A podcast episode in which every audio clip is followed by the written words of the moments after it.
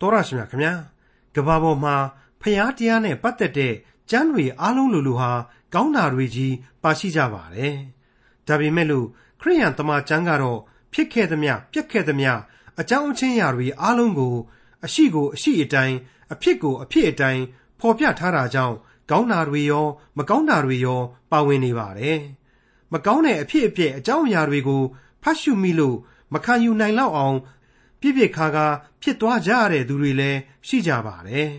ဒီကနေ့တင်ပြရတော့တမန်ကျမ်းအစီအစဉ်မှာလေ့လာမှာဖြစ်တဲ့ခရိယန်တမန်ကျမ်းဓမ္မဟောင်းကျမ်းပိုင်းတွေက138ခုမြောက်သောဆာလံကျမ်းမှာ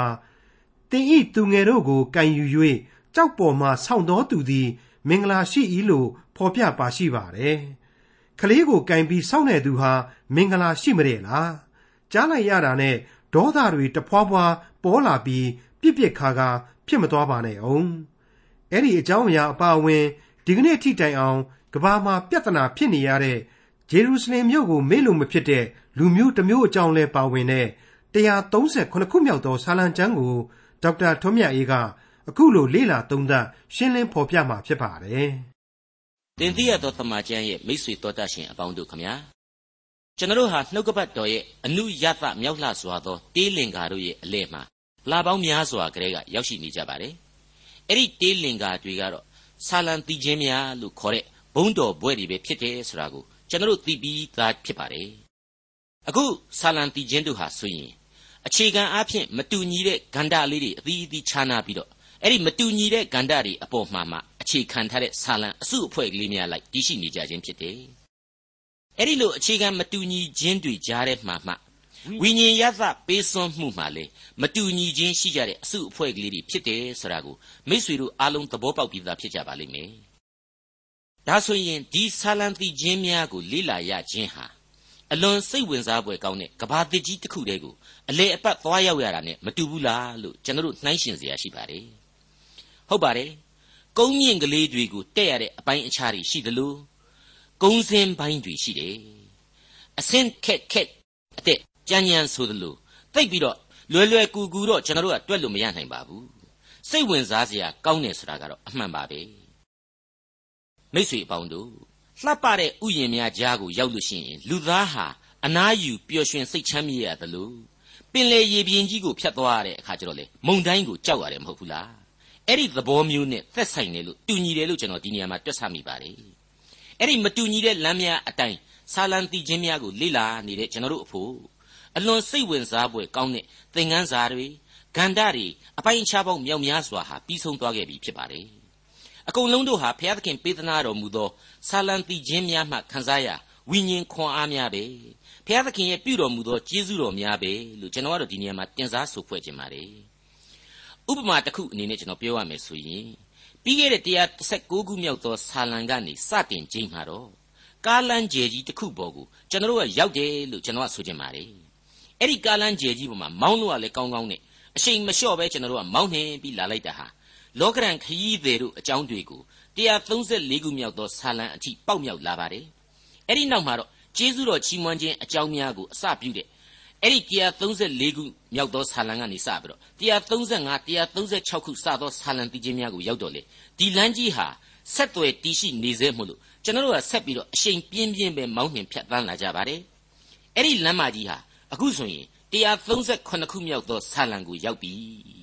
အခုအချိန်မှကြာပြီဆိုရင်တော့ဆိုင်းဘုတ်တစ်ခုထောင်ပြီးတော့ကျွန်တော်တို့ကိုသတိပေးလိုက်တယ်လို့ကျွန်တော်ဆိုချင်ပါတယ်ဟုတ်ပါတယ်အရှိန်ပြင်းပြင်းနဲ့မောင်းနှင်လာတဲ့ကျွန်တော်တို့ကို 138ခုမြောက်သောဆာလံဟာဆိုင်းဘုတ်တစ်ခုထောင်ပြီးတော့သတိပေးလိုက်ပါတယ်အဲ့ဒါကတော့ရက်ကြည့်နားထောင်ဆိုတဲ့အချက်ပေးဆိုင်းဘုတ်ကြီးပဲလို့ကျွန်တော်ဆိုချင်ပါတယ်အဲ့ဒီလိုဆိုင်းဘုတ်တစ်ခုပေါ်ထွက်လာတယ်ဆိုကြတဲ့ကအခုလေ့လာရမယ့်138ခုမြောက်သောဆာလံတည်ခြင်းဟာအဲ့ဒီရက်ကြည့်နားထောင်ဆိုတဲ့အပိုင်းလိုပဲ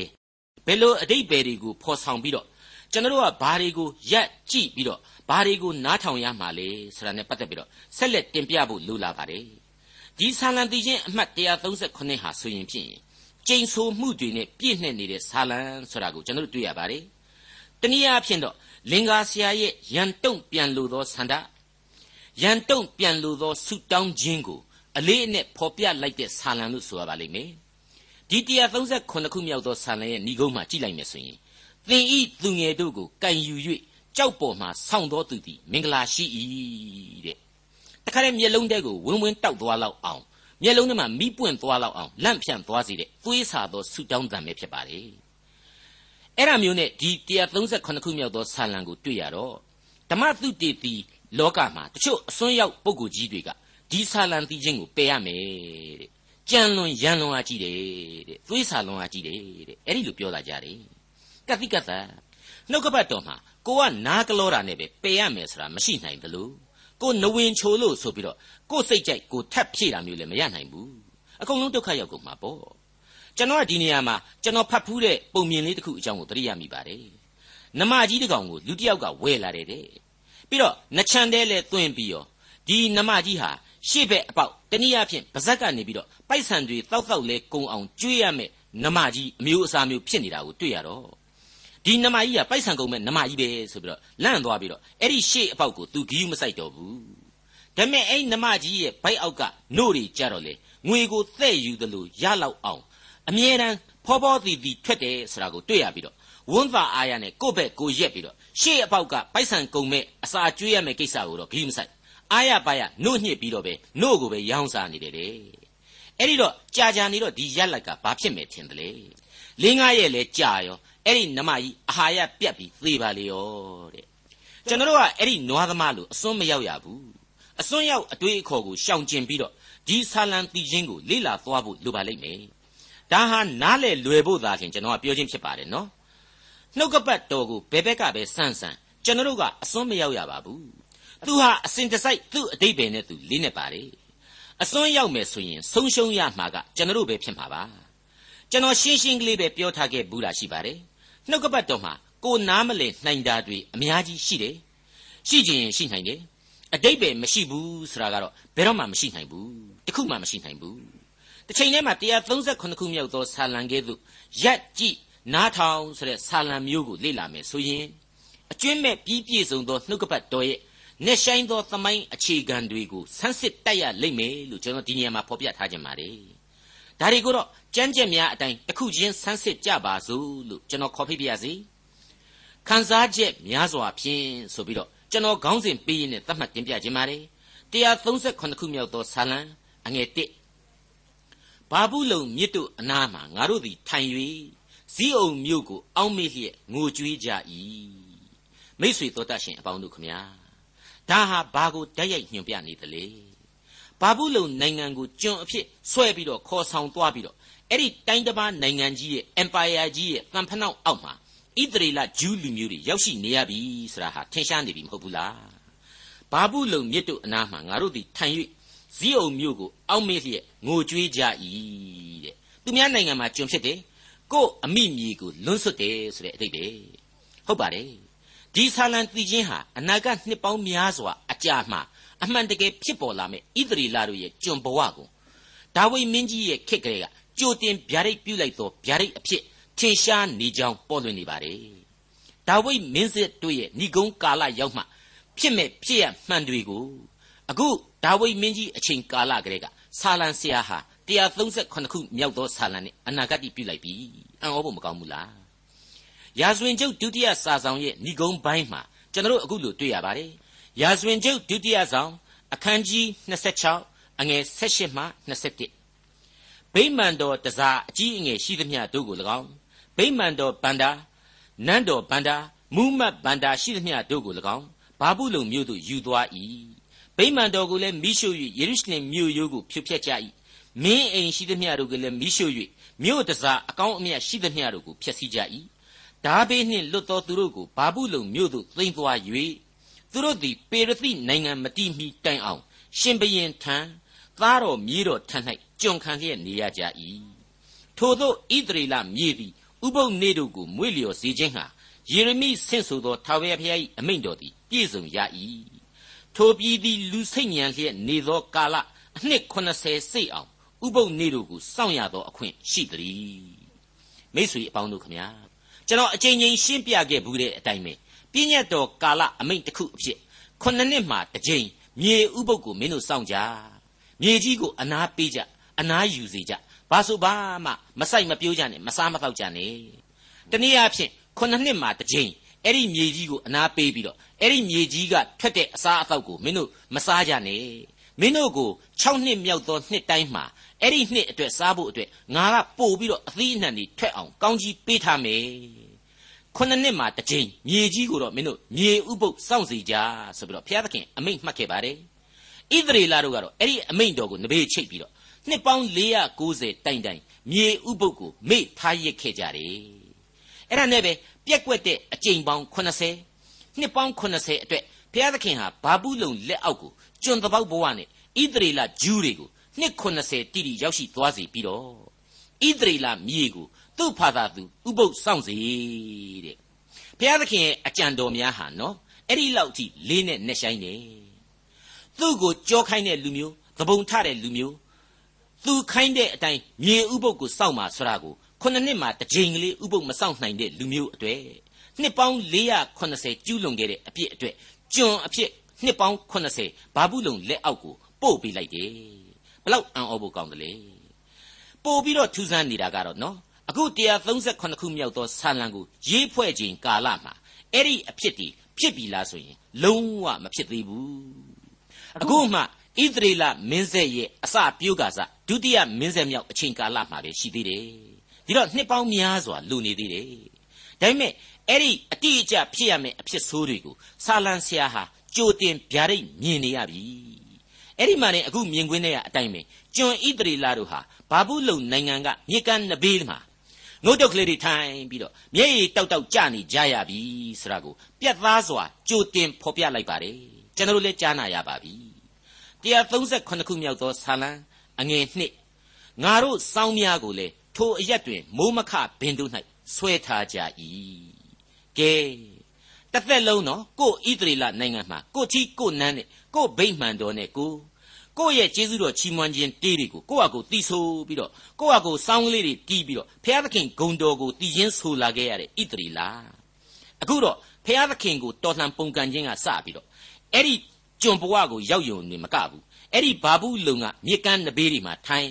သူတို့ရဲ့စောင်းကလေးတွေကိုမိုးမခဘင်းဒီမှာတွဲလောင်းချိတ်ပြီးတော့ထိုင်ပြီးတော့ငိုရတဲ့ဘဝကိုရောက်ပြီဒူးနဲ့မျက်ရည်သုတ်ရတဲ့ဘဝကိုရောက်ပြီ အဲ့ဒီလိုစောင်းတွေကိုအပင်ဒီမှာမိုးမခပင်ဒီမှာချိတ်ထားရတဲ့ဆိုကလေးကဘာအချက်ကိုသိသာစေသလဲ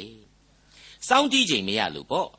ပြီးတော့တီးခတ်ခွင့်ကိုလေသူများကမင်းတို့စောင်းတီးကြပြီတော့ဆိုမှတီးခတ်ခွင့်ရတဲ့အခြေအနေကိုရောက်နေလို့ပေါ့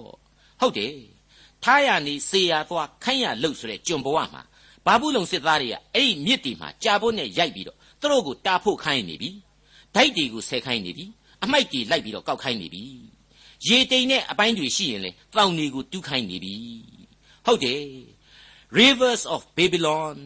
ဒီတမန်ကျမ်းစာမှာကတော့ဘာဘူးလုံမြစ်နဘေးမှာဆိုတာဟာ rivers of babylon ကိုပြောတာပဲ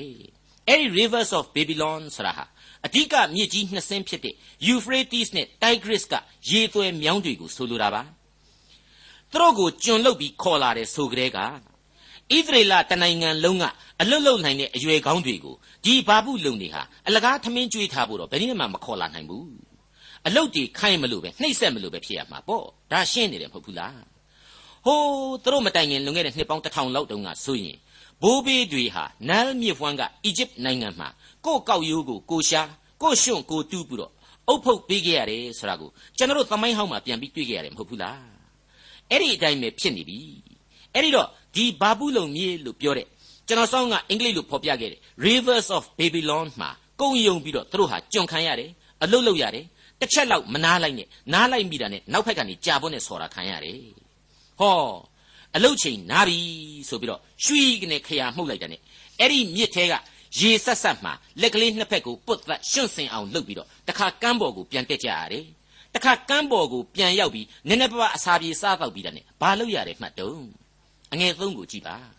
အကြောင်းမူကားထိုအရ၌ငါတို့ကိုဖမ်းသွားချုပ်ထားသောသူနှင့်ငါတို့ကိုညှင်းဆဲသောသူတို့ကဇီးအောင်တီချင်းကိုငါတို့အားဆိုကြလောဟုတချင်းဆိုသံကို၎င်းရှင်လန်းသောအသံကို၎င်းငါတို့၌တောင်းကြပါသည်တကား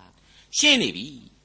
စစ်သားတွေတင်မဟုတ်သေးဘူးနော်အဲ့ဒီဘာဘူးလုံတစ်မျိုးလုံးကဘာဘူးလုံနိုင်ငံသားတွေကပါသူတို့ကိုဝိုင်းထားတယ်ပြေးပေါက်မရှိဘူးသူတို့ကိုမြောက်များကိုကြည့်တယ်လို့မြောက်ပွဲကြည့်တယ်လို့ဝိုင်းပြီးကြည့်နေကြတယ်ဆိုတာပေါ်လာပြီ ဖမ်းသွားချုပ်ထားသောသူတို့နှင့်တကွငါတို့ကိုညှင်းဆဲသောသူများတဲ့အဲ့ဒီလိုဖော်ပြထားတယ်မဟုတ်ဘူးလားကန်းနာကိုလည်းတက်ပြီးတော့နည်းနည်းပါးပါးလဲအစာပြေလေးဟိုကကျွေးတာလေးစားတော့လဲပြီးရောအဲ့ဒီဘာဘူးလုံပြည်သူပြိသက်တွေကသူတို့ဘာဘူးလုံစစ်သားတွေကိုရဲဘော်တို့ရဲဘော်တို့အဲ့ဒီဣတရီလာတွေကိုသူတို့ဇီးအောင်ဆိုတဲ့ကျေးဇူးတော်ချီးမွမ်းခြင်းတည်ခြင်းဆိုခိုင်းပေးကြစမ်းဗျာကျွန်တော်တို့နားထောင်ခြင်းနဲ့တဲ့ကဲဘလောက်များအဲ့ဒီရွေးကောက်တော်မူသောလူမျိုးတော်မှာသိခါကြရသလဲ စိတ်ဆင်းရဲစရာကောင်းရသလဲဆိုတာဟာစဉ်းစားတာကြည့်ကြပြီးတော့ဘယ်ဘက်ကမှစားတာမရှိဘူးဖျားသခင်ကိုဆန့်ကျင်ပုန်ကန်ခဲ့တဲ့ဒဏ်တွေကိုလှိမ့်ခံနေရပြီဒါပေမဲ့အဲ့ဒီကြားထဲမှာထူးဆန်းနေတဲ့အချက်ကလေးတစ်ချက်ကိုတော့မိษွေတို့သတိပြုမိကြမယ်ထင်ပါတယ်သူတို့ကိုးကွယ်ခဲ့သလိုသူတို့စော်ကားမော်ကားပြုတ်ခဲ့တဲ့ဘုရားသခင်ရဲ့ဘုန်းတော်ဘွဲ့တွေကိုဘုရားသခင်ကိုမသိတဲ့တိုင်းတစ်ပါးသားတွေကတောင့်တနေကြတယ်နားဆင်လူကြတယ်အံ့ဩစရာမကောင်းဘူးလား ဟုတ်ပါတယ်ရှောလမုန်မင်းကြီးရဲ့ခေတ်ကာလမှာရှီဘာဆိုတဲ့မြောက်အာဖရိကတိုက်အီသီယိုးပီးယားနိုင်ငံကဘုရင်မကြီးဟာဣသရေလနိုင်ငံကနေတဆင့်ဘုရားသခင်ရဲ့ဘုန်းတော်ဘွဲ့ကိုသိနာလေခဲ့ရတယ်ဘုရားသခင်ရဲ့အကြောင်းကိုသိခဲ့ရတယ်အဲ့ဒီအတိုင်းပဲတူရူဆိုတဲ့တိုင်းပြည်ကဘယင်ကြီးဟာလေအသက်ရှင်သောဘုရားသခင်အကြောင်းကိုဘုန်းတော်ရဲ့အကြောင်းကိုကြားနာခဲ့ရတယ်။ဒါကြောင့်မို့လဲဘုရားသခင်ရဲ့ဗိမာန်တော်ကြီးအတွက်တောင်းမှသူဟာတစ်တွေဝါးတွေအကူအညီပေးခဲ့ဘူးတယ်ဆိုတာကို ဓမ္မရာဇဝင်တွေမှာကျွန်တော်တို့ပြန်ရှာရင်တွေ့နိုင်ပါတယ်။အခုဘာဘူးလုံတွေဟာလေဒီအတိုင်းပဲပေါ့။သူတို့ရဲ့ကျွန်လူမျိုးဖြစ်တဲ့ဣသရီလရဲ့ဘုရားသခင်အကြောင်းကိုသူတို့မြည်စမ်းနိုင်ကြပြီဆိုတာကိုတွေ့ရတယ်နှောင်းကာလကျတော့လေကမ္ဘာအာနာရှင်ကြီး Alexander the Great ဆိုတဲ့ပုဂ္ဂိုလ်ကြီးဟာဘုရားသခင်ကိုသိနာလေသွားတဲ့အတွက်ကြောင့်နှုတ်ကပတ်တော်ဓမ္မဟောင်းကျမ်းတွေကိုသူ့ရဲ့ကိုလိုနီနိုင်ငံဖြစ်တဲ့အီဂျစ်ကမ်းခြေက Alexander ဆိုတဲ့မြို့ကြီးမှာ ဂျူးပညာရှိကြီးတွေကိုခေါ်ပြီးတော့တီးဖြတ်စေခဲ့ရတယ်။ Greek ဘာသာကိုပြန်ဆိုစေခဲ့တယ်ဆိုတာကိုကျွန်တော်တို့ကမ္ဘာသမိုင်းမှာတွေ့ရပါတယ်။အဲ့ဒီလို Greek ကျမ်းစာတွေရှိနှင့်လို့လေအသက်ရှင်တော်မူသောအဖဖျားသခင်ရဲ့ကယ်တင်ခြင်းတရားဟာကဘာတလွှားကိုအမြန်ဆုံးပြန့်နှံ့ခဲ့ရတယ်ဆိုရင်လေမမှားဘူးကျွန်တော်ဒီအချက်ကိုဘယ်လို့မှမေ့လို့မရနိုင်ဘူးဆိုတာကိုကျွန်တော်တစ်ချိန်ကဖော်ပြခဲ့ဘူးပါသေးတယ်ကဲလောလောဆယ်အချိန်မှာတော့ဘာဘူးလုံတန်ဖနှောက်အောက်က ဣသရေလတွေဒုက္ခရောက်နေတာကိုပဲပြန်ပြီးတော့လှမ်းကြည့်ကြပါစို့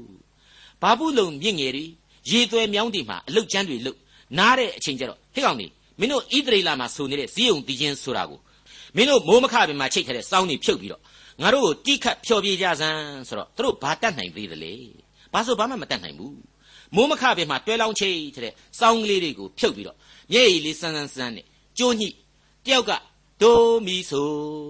ဆိုရင်ကျန်တဲ့တယောက်က1 2 3ဆိုပြီးတော့စပေးလိုက်တယ်အကုန်လုံးဝိုင်းပြီးတော့ဆိုကြရတော့တာပဲတဲ့တနာစရာမကောင်းဘူးလားမဆိုဘဲလဲဘသူမှမနေရလို့ဆိုကိုဆိုကြရမှာဖြစ်တယ်မဆိုမနေရအမိတ်နဲ့ဆိုခဲ့ကြရတယ်မဆိုဘဲနေဝွင့်နေကြည့်လေစစ်သားကနောက်ကလာရိုက်မယ်မဟုတ်ဘူးလားအဲ့ဒီမှာတင်ခန်းစားချက်များစွာဖြင့်လို့ကျွန်တော်ခေါင်းစဉ်ပေးလိုက်တဲ့အတိုင်းပဲခန်းစားချက်များစွာနဲ့သူတို့တည်ချင်းဆိုကြရပြီ ဘယ်လိုခန်းစားချက်လဲဆိုတာကတော့ပြောနေဖို့မလိုပါဘူးအငယ်တစ်မှာတွေ့ခဲ့ရတဲ့အတိုင်းပဲဘာဘူးလုံမြစ်တို့အနားမှာငါတို့သည်ထိုင်၍ဇီးုံမြို့ကိုအောက်မေ့လျက်မျက်ရည်ကျလျက်တည်ချင်းဆိုရခြင်းတဲ့တနာစရာမကောင်းဘူးလားကျွန်ရိပ်ဆိုတဲ့အပြစ်တရားအောက်မှာရောက်နေလို့မျက်ရည်ကျရတယ်ကျေးဇူးတော်ချီးမွမ်းခြင်းတေးတွေကိုကျေးဇူးတော်ကိုဝေးရအရရောက်မှနားလေတဲ့စိတ်နဲ့အပြစ်ဒဏ်တွေကိုတစ်ဖက်ကခံစားရင်းနဲ့ ဒီတိချင်းတွေကိုဝန်းနေပက်လက်ဆိုရလို့မျက်ရည်ကျရပါတယ်ဟုတ်ပါတယ်အငယ်လေးမှာဆက်ပြီးကြည်ပါတကြွတနိုင်ငံ၌ထာဝရဘုရား၏တိချင်းကိုအဘယ်သို့ဆိုရပါမည်နည်းတဲ့ဣသရေလလူမျိုးတော်အဖို့ပြည့်ညတ်တော်ကာလမှာဒီအတိုင်းပဲဖြစ်ကိုဖြစ်ရပါလိမ့်မယ်သူတို့အမွေခံရနိုင်ငံကိုဘုရားသခင်ကပေးခဲ့တယ်ငါကျင်းဝတ်မယ်ဆိုတဲ့ယေရုရှလင်မြို့တော်ကြီးကိုလည်းပေးထားတယ် ဒါဟာငါဗိမ္မာန်တော်ကြီးဖြစ်စေမယ်ဆိုပြီးတော့ဘုံတော်ရောင်ချီထွန်းတောက်တဲ့ဗိမ္မာန်တော်ကိုလည်းသူတို့ကိုပေးထားတယ်အေးအဲ့ဒီအမွေမြေမှာအမွေနဲ့မတန်အောင်အပြစ်တွေကိုကျူးလွန်တော့အဲ့ဒီမြို့တော်ကြီးလည်းပြက်ဗိမ္မာန်တော်ကြီးလည်းပြာကျပြီးတော့တပြည်လုံးစိတ်ညံလို့ကြံရစ်ခဲ့ရပြီမဟုတ်ဘူးလားဒီတော့သူတို့အခုလိုပဲခံကိုခံစားကြရပါလိမ့်မယ်တကြွတနိုင်ငံ၌ထာဝရဘုရား၏တည်ခြင်းကိုအဘယ်သို့ဆိုရပါမည်နည်းတဲ့ဒါဆိုရင် ဒီကနေ့ကျွန်တော်တို့ယုံကြည်သူခရိယန်များတို့အဖို့ကြတော့ဒါဟာလှေနံဓာတ်တဲ့ယူရမယ်အချက်လားမဟုတ်ပါဘူးသမိုင်းအခြေခံချင်းမတူတော့ပါဘူးခေတ်မတူတော့ပါဘူးဣသရေလလူမျိုးတော်အတွက်ကျေးဇူးတော်ခံစားရမြေကိုဝဝင်ရောက်ပြီးတော့ခိုးလှုံစေတယ်အမွေခံစေတယ်ကျွန်တော်အတွက်ကြတော့ခံစားရကျေးဇူးတော်များကိုတီရှိရာအရမှထ၍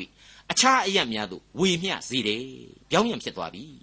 ကမ္ဘာလောကကြီးတဲ့သို့ဧဝံဂေလိသတင်းစကားကိုကြားပြောစေတယ်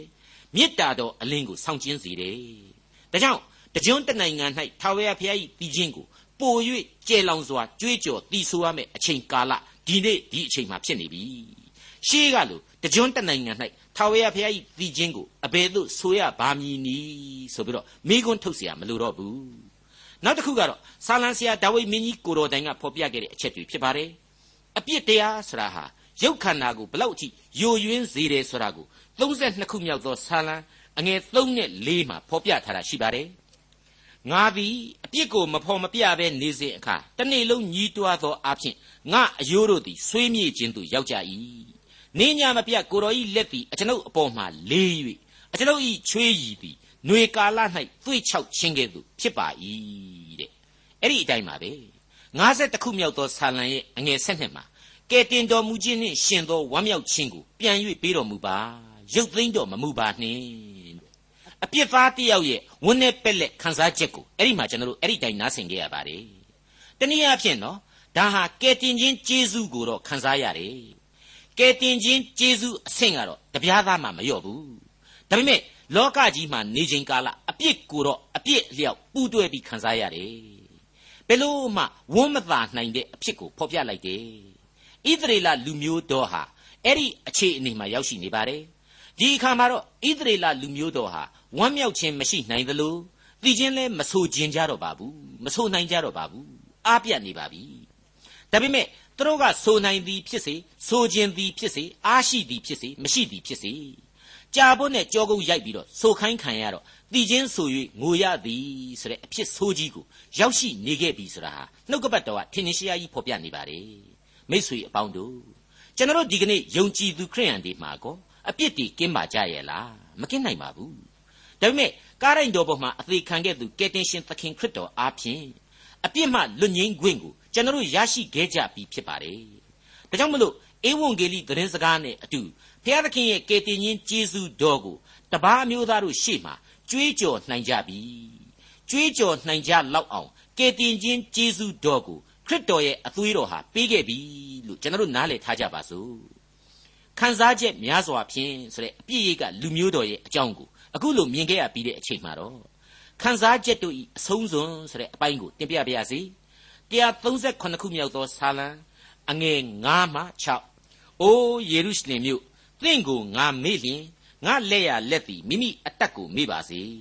သင်ကိုငါမအောင်မေ့အမျက်ဆုံးသောဝမ်းမြောက်ခြင်းအကြောင်းတဲ့ ယေရုရှလင်မြို့ကိုအမျက်မထားလျင်ငါရှာသည်အာကောင်၌ကပ်ပါစေ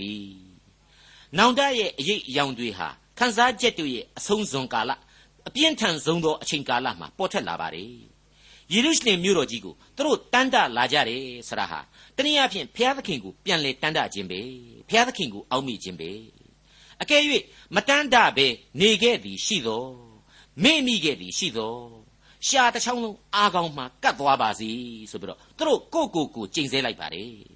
ဆေးပညာစကားနဲ့ပြောရမယ်ဆိုရင်တော့ dehydration ဖြစ်ပါစီတကိုယ်လုံးရေတက်တွေမရှိတော့ဘဲနဲ့6ကတ်သွားပါစီဆိုတဲ့သဘောပဲကိုကိုကို6ကတ်ပြီးတော့အယိုးပေါ်အရည်တင်သေခြင်းလဲလဲသေပါစေတော့ဆိုပြီးတော့ကျိန်လိုက်တယ်နဲ့ဘာမှမထူပါဘူး138ခုမြောက်သောဆာလံအငယ်9မှ9အိုးထာဝရဖျားယေရုရှလင်မြို့ဤနေ့ရဲ့အချိန်ရောက်သောအခါ